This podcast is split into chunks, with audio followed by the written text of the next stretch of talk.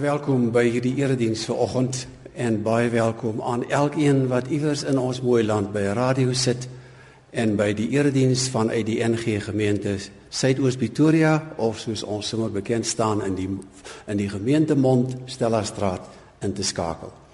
Die gemeente met wie jy wat by die radio sit vanmôre saam erediens vier is so 2600 lidmate. Ons het vyf wonderlike predikante vir wie ons baie lief is en wat elkeen op sy eie manier hierdie gemeente help om koninkryksmense te wees en af van die kampus van ons gemeente sentrum te soek na die wil en die weg van die Here. By die orgel is Johan Swanepoel en ons vyf dominees is Dr James Kirkpatrick, dominee Anton Pinaar, dominee Tini Bosman en uh, dominee Fouchee de Wet en sy vrou Marina de Wet. Dankie dat jy vanmôre by ons inskakel. Ek weet nie waar jy is nie, dis vakansietyd. Jy sit dalk iewers op die see en uitkyk met 'n draagbare radio by jou. Maar by hierdie erediens van ons as geloofsgemeenskap in Stellastraat is jy hartlik welkom. Ek het gedink om vanmôre die erediens te begin met iets tussen 'n gebed en 'n geloofsbelijdenis. En ek verklaar graag namens ons wat hier aanbid en jou daar voor jou radio. Ons glo in God die Vader, die skepper van die hemel en die aarde. Ons glo in Jesus Christus, sy enige gebore seun, ons Here. Ons glo in die Heilige Gees. En ons glo aan een algemene heilige Christelike kerk. Gemeente, genade vir julle en vrede van God ons Vader, van Jesus Christus die Here, deur die werk van die Heilige Gees. Dis so pas na Kersfees en die tema van my preek vanmôre het veral met die menswording van Jesus te doen. Kom ons sing nog eenmal 'n Kerslied saam. Die lied waarmee ons omgaan loof vanmôre is lied 354 as jy 'n boekie naby jou het. Ons gaan die eerste, die tweede en die vierde strofe sing van die pragtige lied O Christus ons verlange. U het ons heil gebring. U het ons kom heel maak. Lied 354 1 2 en 4. Thank you.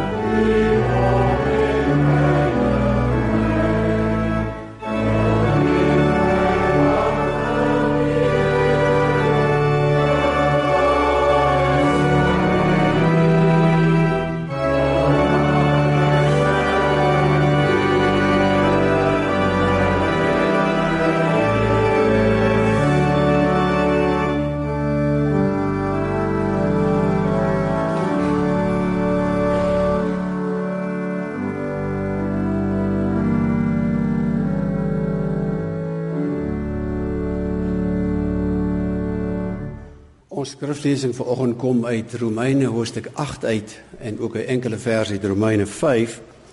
Voordat ons dit saam lees, kom ons buig ons hoofde, kom ons bid saam. Ons Vader, ons dankie dat ons op hierdie laaste Sondag van hierdie jaar U naam nog eenmaal mag aanroep. U was getrou al was ons dikwels ontrou.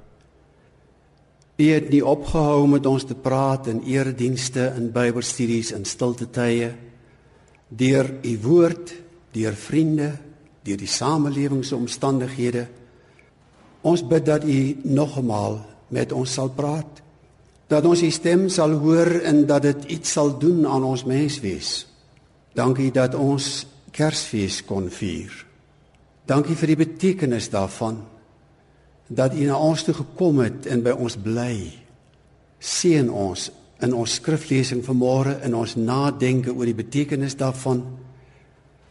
En neem ons gebede en ons dankliedere aan hier aan die einde van die jaar as 'n dankoffer vir u goedheid, troue God. Amen. Romeine hoofstuk 8 veral, maar ek lees ook Romeine hoofstuk 5 vers 17. Deur die oortreding van een mens het die dood begin heerskappy voer deur hierdie een mens. Maar deur die een, Jesus Christus, is veel meer bereik.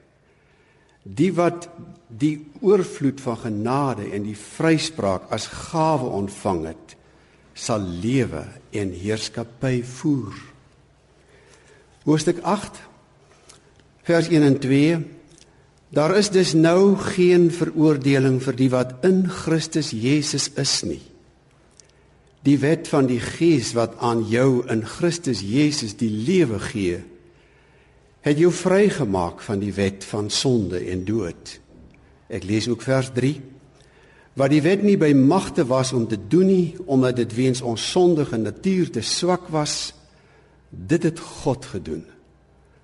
Hy het die sonde binne die sondige bestaan van die mens veroordeel deur sy eie seun in dieselfde gestalte as die sondige mens te stuur as 'n offer vir die sonde. Vers 9 Julle word egter nie deur julle sondige natuur beheers nie, maar deur die Gees, want die Gees van God woon in julle. As iemand die Gees van Christus nie het nie, behoort hy nie aan Christus nie. Omdat Christus in julle is, gee die Gees aan julle die lewe op grond van God se vryspraak. Hoewel die liggaam vir die dood bestem is as gevolg van die sonde. Omdat die Gees van hom deur wie Jesus uit die dood opgewek is in julle woon, sal hy deur wie Christus uit die dood opgewek is, ook julle sterflike liggame lewend maak deur sy Gees wat in julle woon. Ek lees ook 12 tot 17. Daarom dan broers, staan ons onder 'n verpligting, maar nie teenoor ons sondige natuur om daarvolgens te lewe nie. As julle julle lewe deur die sondige natuur laat beheers, gaan julle die dood tegemoet. Maar as julle deur die Gees se einde maak aan julle sondige praktyke, sal julle lewe. Almal wat hulle deur die Gees van God laat lei, is kinders van God. Die Gees wat aan julle gegee is, maak julle nie tot slawe nie, Laat julle nie weer in vrees lewe nie. Nee. Julle het die Gees ontvang wat julle tot kinders van God maak en wat ons tot God laat roep, Abba, Vader. Hierdie Gees getuig saam met ons Gees dat ons kinders van God is. En omdat ons kinders is, is ons ook erfgename. Ons is erfgename van God, erfgename saam met Christus. Aangesien ons deel het aan sy lyding, sal ons ook deel hê aan sy heerlikheid. Ek lees weer Romeine 8 vers 1 en 2. Daar is dus nou geen veroordeling vir die wat in Christus Jesus is nie. Die wet van die Gees wat aan jou in Christus Jesus die lewe gee, het jou vrygemaak van die wet van sonde en dood. Laat my toe om by wyse van inleiding iets te deel oor hoe ek by hierdie teks uitgekom het. Ek kan my indink dat almal van ons op hierdie Sondag in die jaar terugdink aan 'n jaar wat by ons verby gevlieg het. Ek is 'n redelike dagboekmens, dis ek kan terugkyk na elke uur omtrent van hierdie jaar. En een ding het my nou nog al besig gehou. Dit het begin toe ek bevoorreg was om op die 5de Januarie in Londen 'n referaat te lewer oor disippelskap. En hoe help ons dat ons van ons kinders en ons adolessente en ons jong mense disippels maak wat weer op hulle beurt disippels sal maak? En die jaar het my daarmee besig gehou. Wat dit versterk het was waarnemings van my kant af dat mense so dikwels in ons samelewing en veral op sosiale media optree op 'n manier laat wat 'n mens laat wonder oor ons navolging van Jesus in 'n land so vol uitdagings. En toe ek onlangs in 'n biblioteek in die FSA sit en lees oor disippelskap En 'n Amerikaner skrywe, hoe het ons nou daarbey uitgekom om hierdie saak van Christendom so uit te hol? So om sy woord te gebruik, so mediocre te maak dat 'n mens selfs 'n Christen genoem kan word sonder om 'n navolger van Jesus te wees. Terwyl die Bybel ons leer in Handelinge 11:26 dat dit is die mense van die weg, dit is die navolgers van Jesus wat in Antiochië vir die eerste keer toe Christene genoem is.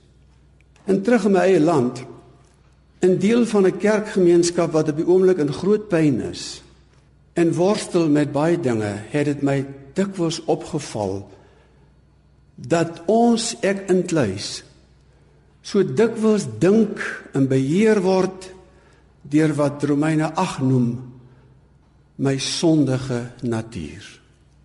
Dat er byna op die strate van 'n land en in sy besigheidssale en in sy parlement byna geen verskil is tussen wat lank gelede heidene sou genoem geword het en ons as Christene nie. Hoe het ons dit reg gekry om hierdie ding so uit te hol? Dat dit baie keer veral as jy Europa besoek, lyk asof mense wat hoegenaamd nie meer in Jesus glo nie, meer beskaafd optree as ons wat wel in hom glo. En Romeine 8 het my gehelp. En omdat ek weet dat baie mense wat na radiodienste luister ook al ouer mense is, jy lê dalk vanmôre op 'n hospitaalbed na my en luister, het ek 'n bietjie gaan delf sommer weer in ou literatuur. En ek gaan 'n paar van hulle aanhaal vanmôre, maar ek wil begin met 'n aanhaling wat in hierdie gemeente waarvan ek deel is, se almanak staan op die bladsytjie net voordat Januarie 1 begin het. Daar het en ek vermoed dis my kollega meneer Anton Pinaar wat dit seker daar geskryf het, daar het hy 'n aanhaling van Albert Schweitzer gebruik. Om 'n voorbeeld te stel is nie die hoofsaak van die beïnvloeding van ander nie. Dis die enigste saak. Om 'n voorbeeld te stel is nie die hoofsaak om ander mense te beïnvloed nie dit is die enigste saak. Dalk ken jy Romeine 8 beter as wat ek hom ken. Dalk weet jy dat dit so 'n soort van die laaste hoofstuk is van drie hoofstukke wat bymekaar hoort 6, 7 en 8. Dalk stem jy saam met 'n Hollander kommentaarskrywer wat sê Romeine 8 is eintlik van Paulus se kant af die nuwe opskrif vir die Romeine brief. Wat hy mee worstel mos nou in hierdie brief waar hy sy eie nadenke oor Jesus so netjies uitpak, is dat ons kan nie deur wetsonderhouding regtig lewe nie. Deur deur wetsonderhouding te probeer om jou lewe terug te kry is eintlik nie moontlik nie. Hy sê dit veral in Romeine 3 vers 21 hoe dat ons dan vrygespreek word sonder dat ons aan die wet voldoen het. En in Romeine 6 en 7 en 8 kom hy 'n bietjie daarna terug deur ons te help om te verstaan dat die wet ons net nie kan help om reg te lewe nie. Die wet herinner ons te veel aan ons mislukkings. Jy ontdek jou sonde deur die wet dat jy dit nie maak nie. Die wet kan jou nie vrymaak nie. Die evangeliste wat baie later oor dieselfde sake nadink, die sê dan by geleentheid vir al Johannes dat dit is net Jesus wat jou vrymaak.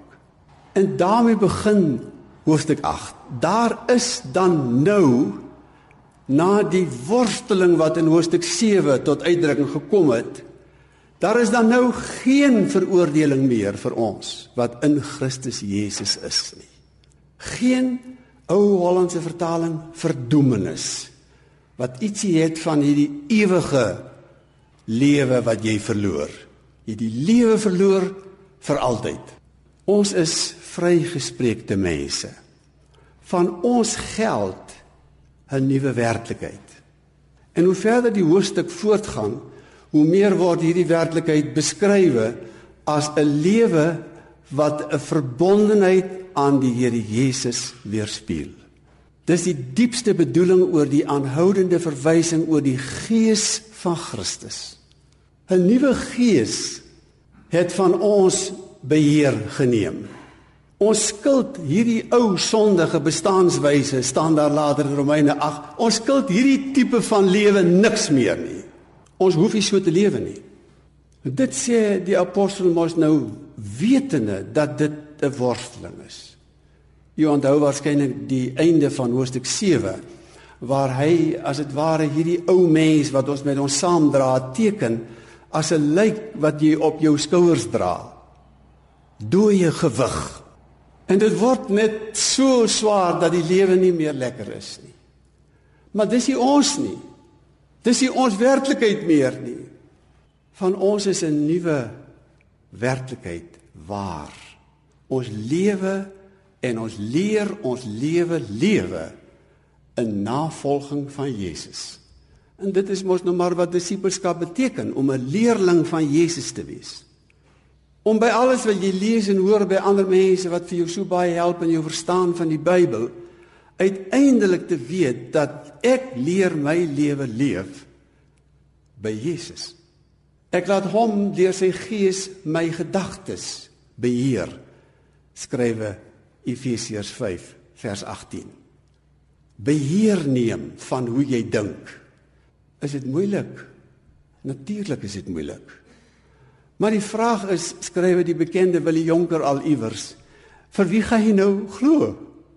Gaan jy nou glo as Christen dat hierdie ou werklikheid nog van jou waar is dat die sonde en sy sondige praktyke soos Paulus sê, dat dit eintlik jou baas is?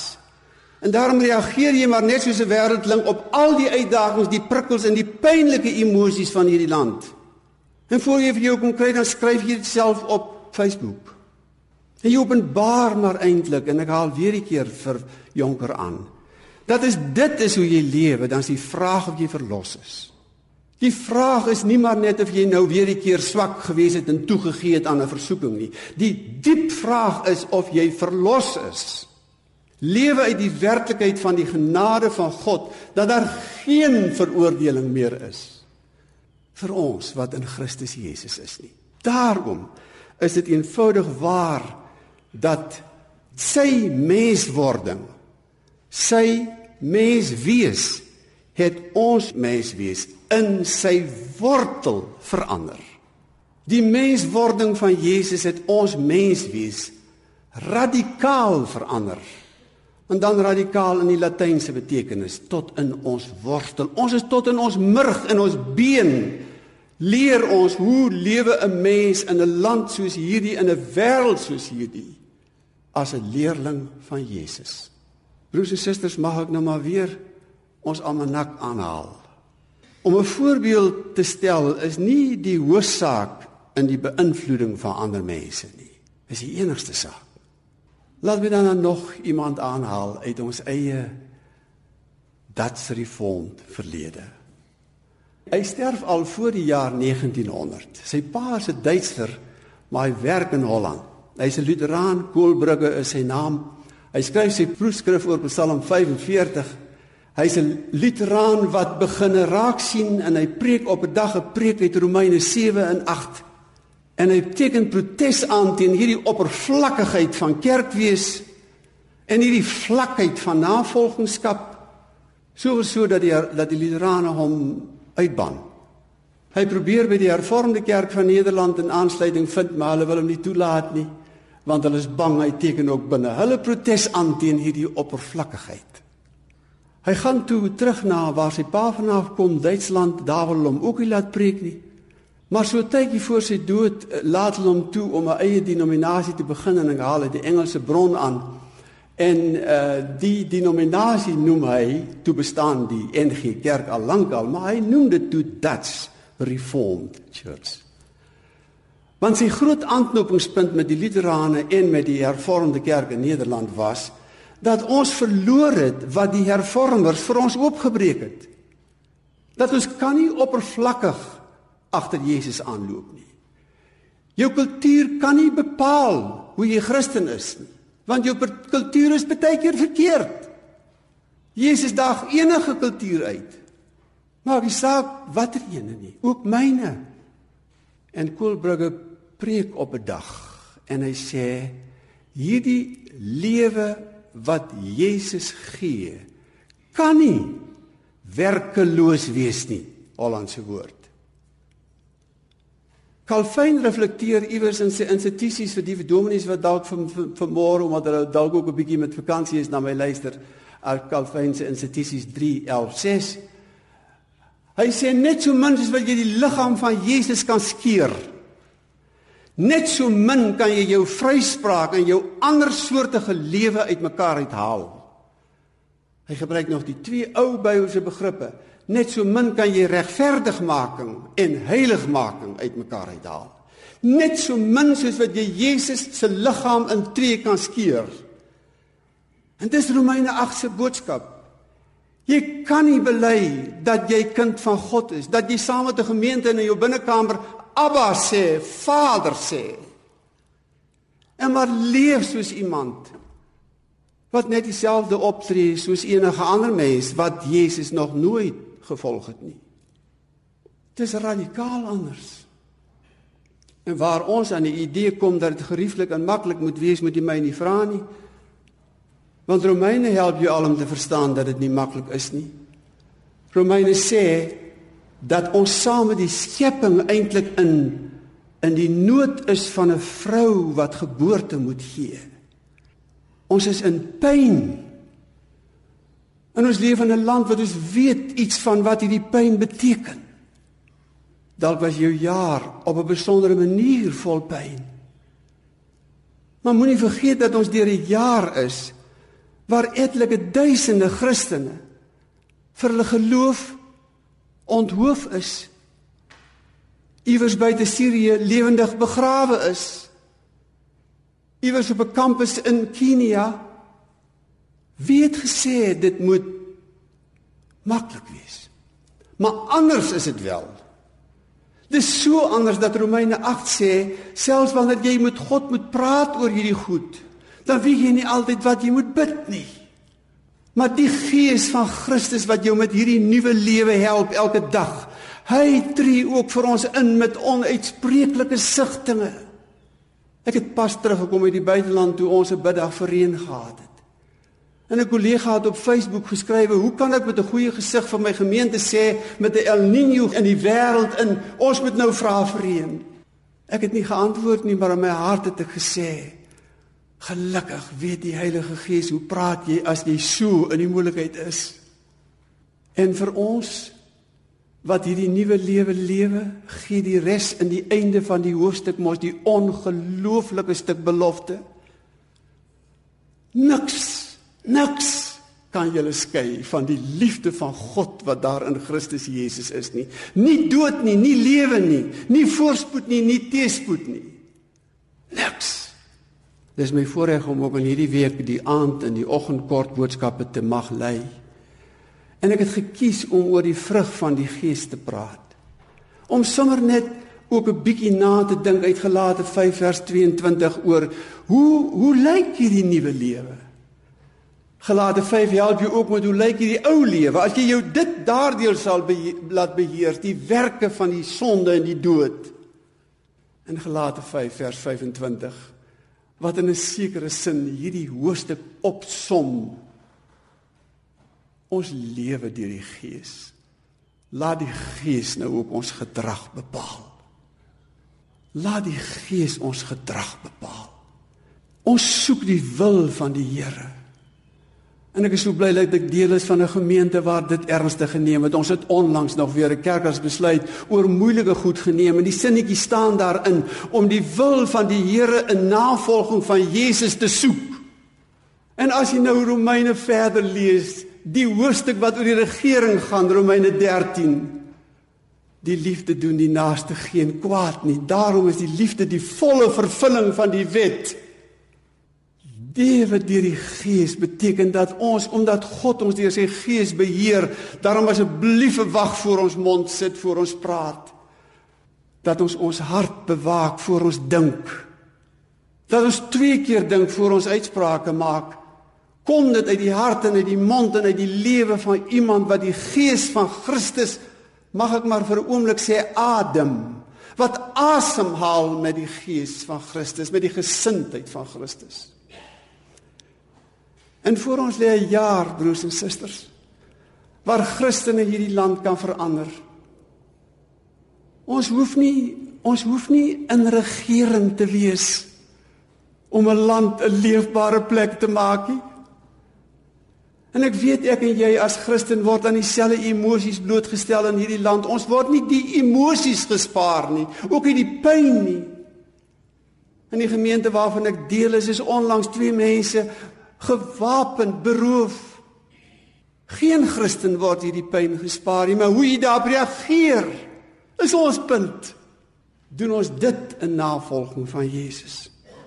Ag sal sal 2016 dan nie weer 'n jaar word in ons kerklike lewe, maak nie saak van watter denominasie jy deel is nie.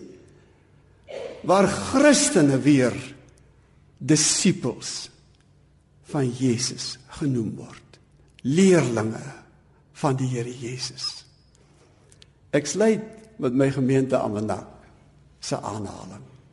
Om 'n voorbeeld te stel is nie die hoofsaak in die beïnvloeding van ander mense nie. Dit is die enigste saak. Amen. Kom ons bid saam. Ons Vader, baie van ons moet vanmôre baie verskoning vra vir hoe ons ons meermale in hierdie jaar gedra het.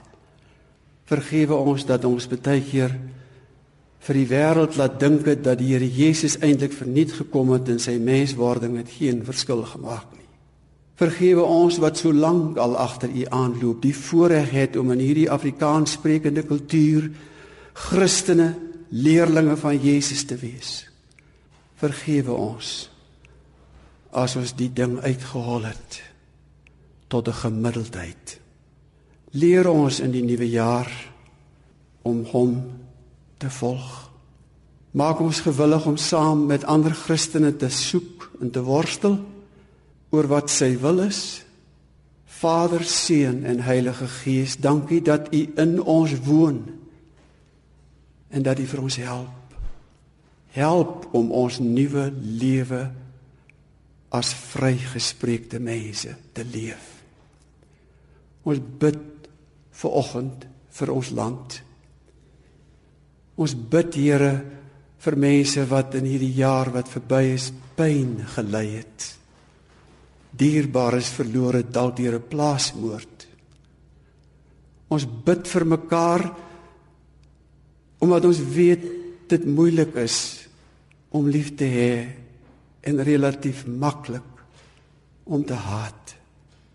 Help ons om te kan vergewe wanneer dit nodig is. Om te kan praat wanneer ons moet praat oor dit wat nie reg is nie.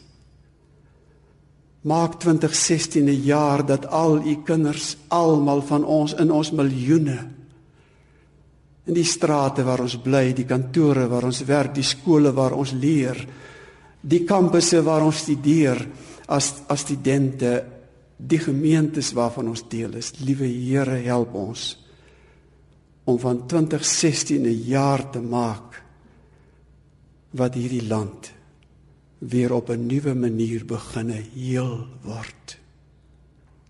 Ons bid dit in die naam van die Here Jesus. Amen. Ons antwoord met twee liedere. Die eerste ene is lied 280 wat sommer net 'n loflied is aan die Here ons God.